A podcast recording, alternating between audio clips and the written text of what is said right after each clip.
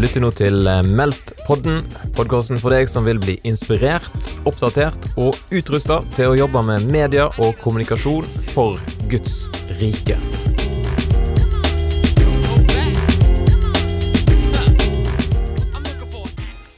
Da har jeg invitert uh, Arild Sæter med opp i uh, podkaststudio her på Meldt-konferansen. Du var den som hadde åpningssekvensen vår i dag. Litt sånn teknisk problem, men uh, det ble veldig veldig bra når du fikk komme i gang. Hvordan har du opplevd å være på Meldt-konferansen? Veldig, veldig fint. Det er alltid spennende å treffe nye folk, og ikke minst en forsamling som kanskje er ukjent både for meg og motsatt. Jeg for dem. Så, så utfordringen her er jo at du på veldig kort tid skal på en måte nå inn, da. 20-25 mm. minutter, og så skal du ja, jeg hadde jo lest opp en oppgave hvor det var jo ikke måte på hva jeg skulle få på de 25 minuttene. ja, men, ja, men um, jeg opplevde det var fint å dele ting, og ja. ja. Hvis du forteller kort eh, tre fakta om deg sjøl, det kan godt være at folk ikke har hørt av navnet Arild Sæter, det var i hvert fall litt sånn for meg, men når, når, vi fikk se litt sånn her på en måte hva du har gjort og hva du har lagd, så er det jo klart at uh, dette er et produkt som, uh, som stort sett alle er borti hver dag.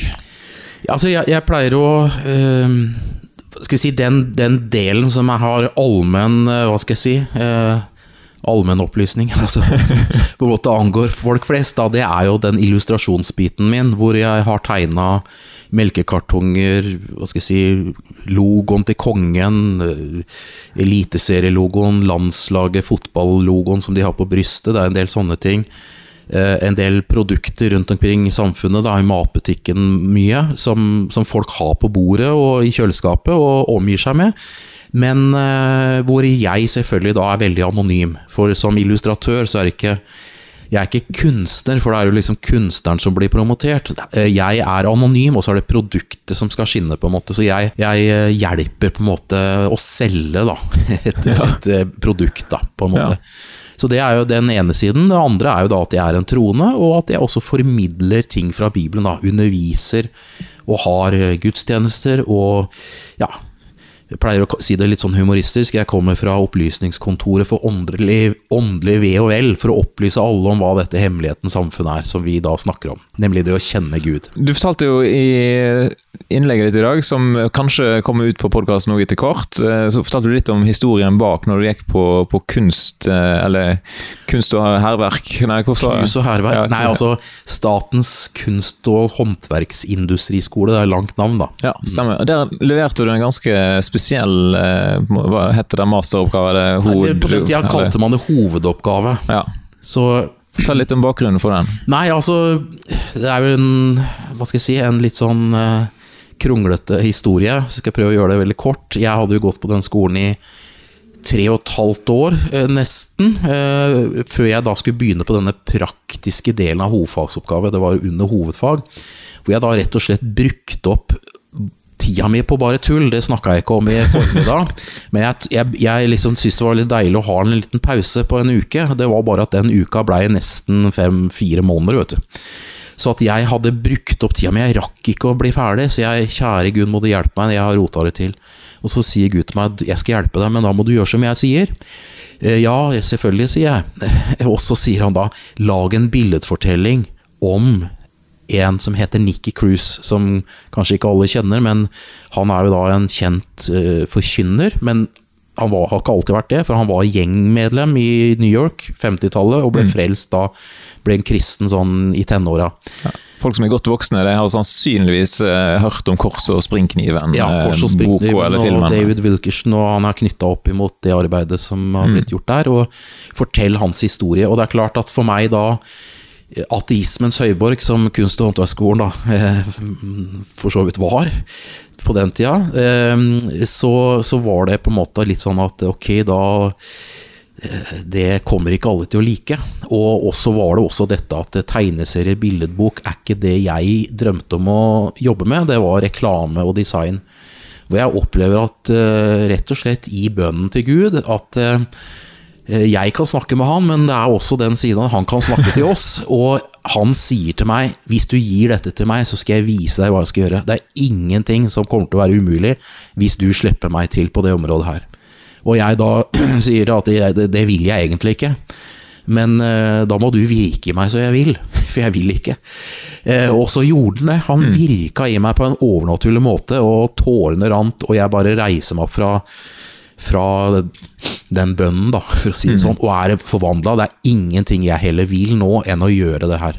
Så det, ja. Så ble det en vanvittig bra tegneserie. Synes vi så noen bilder. Er den mulig å få tak i fortsatt, eller er det liksom Nei, altså, den er dette var, jo, dette var jo på en måte et, en hovedfagsoppgave hvor jeg lagde de tolv første oppslagene i denne historien. Så den ble ikke gjort ferdig, men jeg, den oppgaven hadde også en noen litt forskningsmessig aspekt som jeg ikke snakka om i formiddag, nemlig at jeg bruker ikke noe tekst i formidlingen av historien, det er kun bildene. For i tegneserie så er det jo den dialogen som er den drivende hva skal jeg si, historien. Det er dialogen, mens i billedbok så er det den fortellende teksten. Tar du bort både dialog og den fortellende teksten, så sitter du kun igjen med bilder.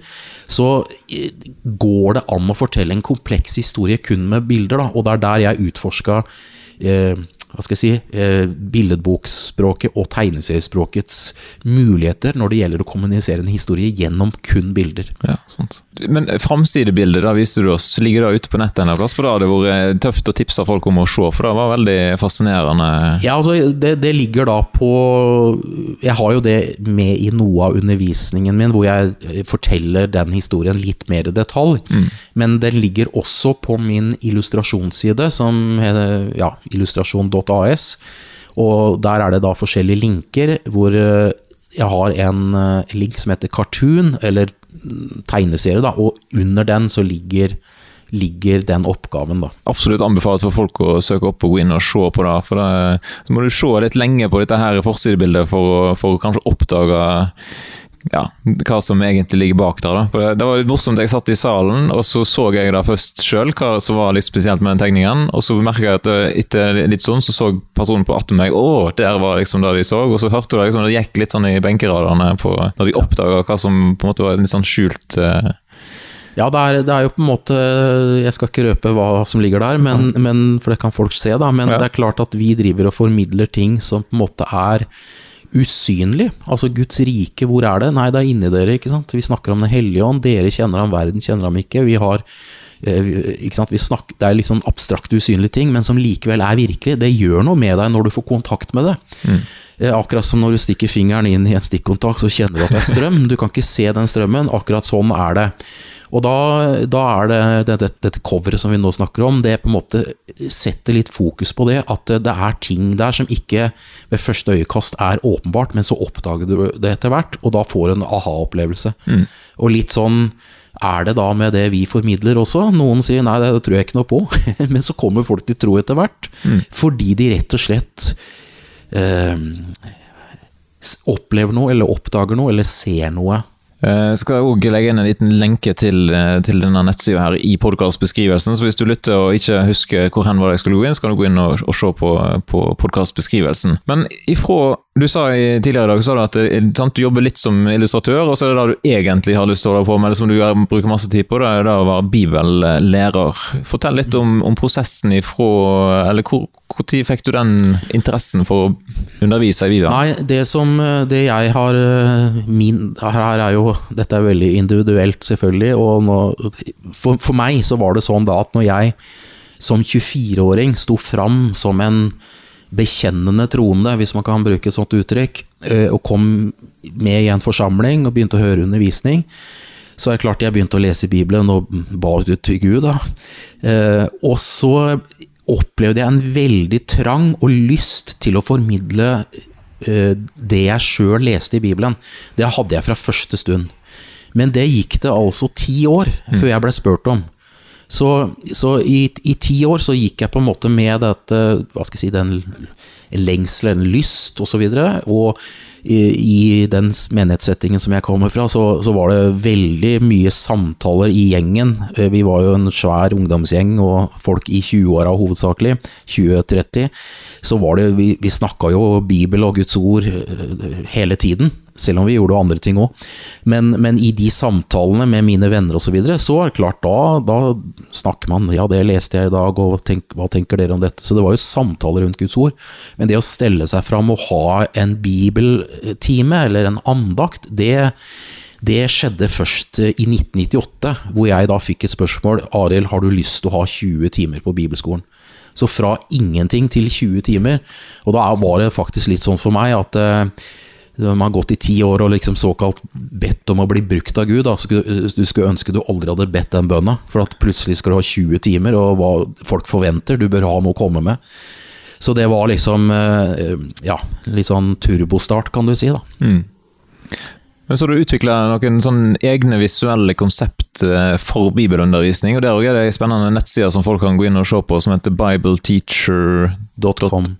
Ja. Med bindestrek ja. mellom Bible og Teacher. Der legger vi ut en lenke. Men uh, fortell litt om hvordan ble den uh... Nei, altså det, dette her Det er på en måte jeg, Man ser seg tilbake, og så ser man på en måte at hele livet fra jeg blei født, kan du si, og jeg lå to år på sykehus 1970 til 1972 og jeg hørte om Jesus, og jeg begynte å tegne. Og det er på en måte som om ting i hele løypa her har kulminert da, i en kombinasjon av dette. Så når jeg da begynte å undervise eh, rundt 1998, så brukte jeg litt sånn visuelle virkemidler i formidlingen. Altså jeg hadde sånn papirark, avispapirark, ruller på to meter, hvor jeg tegna og illustrerte veldig enkelt. da. Ikke noe fint eller flott, bare strektegninger, men det var, var til hjelp. da. Og så skjedde det rundt 2000-2001 eh, at jeg var en tur i Nepal, hadde med meg fem bibelskoleelever på en slags misjonstur, og så hadde vi en par dager etterpå, eller til slutt, hvor jeg hadde fri, liksom, eller vi hadde fullført det løpet.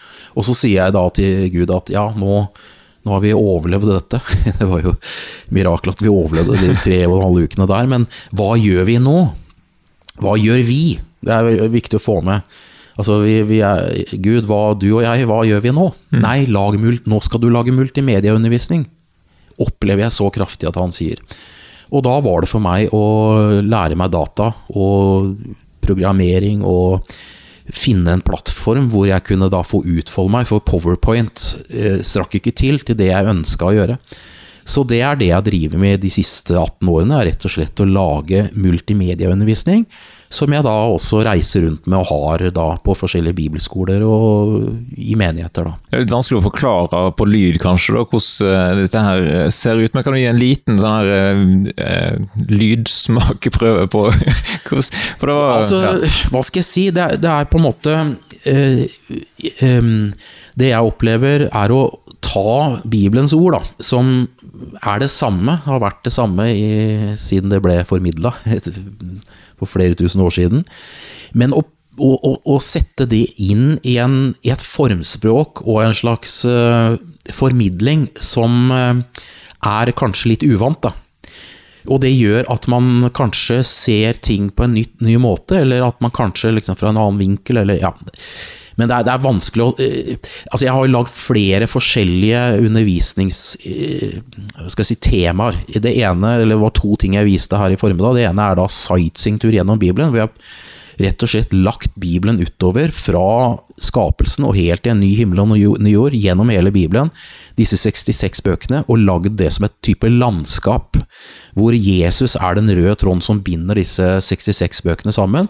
Og så ser vi da hva denne eh, Bibelen egentlig handler om.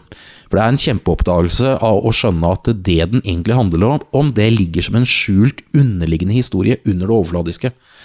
Eh, gjennom Det gamle testamentet så er det sånn. Mm. Så, så, eh, det er på en måte å visualisere det som er litt skjult. Åpne øynene for de hemmelighetene som er i Bibelen, og så blir det aha-opplevelser som eh, gjør at troen blir styrka. Det er, det er liksom agendaen min. Det er mm. rett og slett gjennom forkynnelse og, og bibelundervisning styrke troen til folk og rett og slett lede de inn i en tettere relasjon med Jesus. Det er jo hovedagendaen. Mm. Og så var det litt, Du sa at i dag har du bare fått 25 minutter, sant? men du sa at du kunne ofte holde på i flere timer kanskje med bibelundervisning. Det er jo litt spesielt i vår samfunn der folk så vidt har tid til en sånn fem sekunds videosnutt på, på Facebook. Han har sagt. Eh, hvordan, hvordan opplever du så lange undervisningsbolker? Nei, altså det, det er klart at eh, når jeg da eh, veldig ofte har fem bibeltimer, det er jo sånn på mange bibelskoler, de har fem bibeltimer, og noen til og med seks. Så er det klart det er veldig krevende både for den som formidler og den som sitter og hører. Og i hvert fall når dette skjer dag ut og dag inn. Men eh, gjennom da det visuelle, og også eh, noe jeg bruker veldig ofte, det er å koble til personlige opplevelser mot hva ordet sier, at du har kjøtt på beina, som gjør det relevant for folk. Så, så jeg tenker da at eh, Altså, jeg, jeg, folk generelt, da, de kan godt sitte og se en Netflix-serie, gjerne flere episoder på rad og rekke, og det er forskjellige navn, og det er plott, og det er forskjellige ting å forholde seg til. Og derfor mener jeg at det er eh, eh, Eller hva I en del av kristenheten, da, så, så har det sniket seg en sånn tanke om at folk ikke tåler eller takler mer enn ti minutter med Bibel, for da stryker de med. Og det er jeg totalt uenig i, og min erfaring også er at sånn er det ikke. Det må være da noe med formidlingen, tenker jeg, som er feil. Så noe av, det, noe av det som Hva skal jeg si? Noen av de beste tilbakemeldingene jeg har fått da, på ting jeg har Når jeg har hatt et seminar, f.eks. En firetimers bolk, da, kanskje i en eller annen menighet, så sitter det kanskje noen 12-13 år, åringer, 14-15-åringer. Og noe av det beste jeg veit, er når foreldrene da eh, sender meg mail og sier at veit du hva, jeg har hatt med ungene mine på eh, kristne møter i og 10-11-12-13 år, ikke sant. De har aldri fulgt med på noe, sitter på bakerste benk med mobiltelefon. Nå satt de og fulgte med i fire timer, og det første de gjør når de kommer hjem, er å åpne Bibelen. Og det, det opplevde jeg også nå for to uker siden, hvor jeg var i Arendal. Ungdommen i menigheten jeg var der, sitter på bakspent med mobil. Det var ikke én som hadde mobiltelefon. De så på noe annet. De, fikk på en måte noe malt for øynene, da. Og det visuelle er jo én ting, men så er det også noe med språket og eh, Som jeg sa litt i stad, det å bringe inn eh, opplevelser, erfaringer som folk kjenner seg igjen. Sna ja. Det, det også er en viktig bit av det. da. Det er ikke bare det visuelle, det er uh, hele, hele pakka formidlingen. Ja, sant. Det er jo en fantastisk tilbakemelding å få da, fra sånne foreldre. Det, Ja, og det er jo det som da gjør at eh, ok, da fortsetter vi. For at det, ja. Sånn er det. Så eh, helt til slutt må vi nevne at vi viste et klipp fra TV 2-nyhetene her. Eh, En, kanskje en av de få, jeg, har aldri hørt om noen andre, i Norge som har fått lov til å male Jesus eh, på TV 2-nyhetene. Fortell litt om den. Nei, det er, jo, det er jo dette vi har med å gjøre, da, som er Guds rike, evangeliet, som handler om Jesu Kristi død, begravelse og oppstandelse. Det er jo kjernen i hele vårt budskap. Og vår, den kristne tro er fundamentert på oppstandelse fra det døde. Eh, og i det så ligger det et anstøt, men det er også en gudskraftig frelse, sier Bibelen. Og, så det er alltid en risiko med å stelle seg fram og fortelle om Jesus. Eh, og risiko på to måter. Enten at folk da tar avstand, eller det blir tiltrekkende. Så jeg rett og slett ringte TV 2. Jeg fikk en idé om å male Jesus på korset, to ganger tre meter, i løpet av en gudstjeneste. da, Og, at, eh, og rett og slett male Jesus fysisk eh, på eh, en treplate, da, eller to ganger tre meters vegg, som vi snekra sammen. Og da ringte jeg TV 2, og ikke til den religiøse avdelingen, men til nyhetene, og sa 'kom og film meg'. Jeg skal stunte fram. Dette er en kulturell happening. Det er en, det er et, det er en sånn performance art. Det er gjerne sånn at hvis du pakker ting inn i kultur, så er det mer spiselig, da. Av en eller annen merkelig grunn. Eh, vår kristne kulturarv, som vi alle setter pris på. Men jeg pakka det inn på den måten. Og dette har nyhetsverdi. Det er søndag eh, ettermiddag, og dette ble sendt da, eller kveld, da. Så det ble filma sånn i fem-seks-tida på hvor denne gudstjenesten var, og så ble det sendt klokka ni på kvelden på TV 2-nyhetene. Hvor jeg rett og slett da maler Jesus på korset, og avslutter med å si da at det ser, kanskje ser ut som et nederlag, det som skjer på korset, men egentlig er det en veldig kraftig seier som han vinner der. Ja, det er. Ligger det ute på YouTube, forresten? Burde Det jo- veit jeg ikke om det ligger ah, på YouTube. Det er vel litt sånn eh, Det er rettigheter og ting der. rettigheter og ting og tang, så jeg har ikke lagt ut på noe YouTube. Nei. Sånn er det. Men eh, det, det, moralen er jo at folk må komme på Meld-konferansen og få med seg sånne gøye ting som skjer. Eh, sånn sett. Men eh, hva er dine neste sånn, designprosjekter? Har du mange eh, gøye ting på gang, eller? Du veit at alt jeg driver med, i hvert fall i den, hvis jeg tenker sånn næringsliv osv., så, videre, så er det veldig, veldig korte tidsfrister. Eh, så jeg kan heller si de jobbene som akkurat har blitt avslutta. Og den ene, dette er det vel kanskje til og med lov til å si, eh, men jeg har gjort en svær jobb for Vinmonopolet nå. For alkoholfrie drikker. Så Ja, det så tenker jeg passer å si noe her, ja, her i denne sammenheng. Ja. Eh, Så en slags brosjyre som kommer sannsynligvis bare i løpet av noen uker, måneder, på, hvor vi presenterer forskjellige alternativer til det med alkohol. Mm. Så det var jo både morsomt og en eh, hva skal jeg si, verdi å få lov til å Ja, flott å Tegne til. Fronte det. Supert. Da oppfordrer jeg alle til å gå inn og så sjekke ut disse nettsidene som jeg har nevnt, og som jeg lenker til. Og få med deg det som ligger ute av sånn bibelundervisning. Der ligger det masse bra som folk kan gå inn og se, og eventuelt eh, invitere Arild på besøk. Eh, Hvordan hvordan er timeplanen din, eller liksom års Hvor langt fram i forkant må de være hvis de skal invitere deg til å prenke i, eller ha noen bibeltimer? Nei, det, er- det er også går sånn i, i bølger. Nå, nå, øh, fra nå og fram til jul så er det litt sånn booka opp, da. Men det jeg Du vet at det som er min hjemmebane, hvis jeg kan bruke det eh, uttrykket, så er det da som jeg sa litt her før, ikke bare ti minutters andakt, men det er litt, litt større ting. Fordi at jeg i veldig mye av min formidling prøver å eh, vise til en helhetsforståelse i Bibelen. Og jeg, i løpet av de 30 årene som jeg da har vært med som en kristen i forsamlinger, så mener jeg å se at det, det er kanskje der det skorter mest eh, for folk. Altså de, de kjenner bruddstykker, men de ser ikke de store linjene, og det blir veldig sånn segmentert hva man er opptatt av. Noen er bare på nåde, noen er bare på Israel, noen er bare på helbredelse, noen er bare på tro. Og så er det på en måte noe Paulus sier, jeg har ikke holdt noe tilbake, men forkynt dere hele Guds råd. Så det er på en måte summen av Guds ord og de store linjene som må på plass da før man dykker inn i enkeltdetaljer. Og det er jo denne frelsesplanen gjennom Bibelen. Jesus i Skriftene, det er den som er skjelettet, på en måte, og ryggraden i alt som, øh, som jeg formidler, da. Ja. Så hvis folk er tidlig ute, planlegger høsten 2020 eller noe sånt, og vil ha masse bibeltimer, så er det å booke Ja, altså det, jeg, jeg, jeg klarer, å, klarer å si noe på 45 minutter òg, Ja. men hvis du gir meg to eller tre bibeltimer, så blir det mye, mye bedre, da. Ja, supert. Tusen takk for at du var med på Meldt-podden, og tusen takk for bidraget du har gitt her på, på Da tror jeg alle satte stor pris på. det. Ære å få være med. Da har du lytta til Meldt-podden, en podkast produsert av Meldt-konferansen i regi av TV Inter, Filadelfia-kirken i Oslo og Tro og Medier. Vi håper da at du vil eh, slå følge med oss i sosiale medier. Du finner oss på Facebook og Instagram. Søk etter Meldt-konferansen, så eh, kan vi kobles der.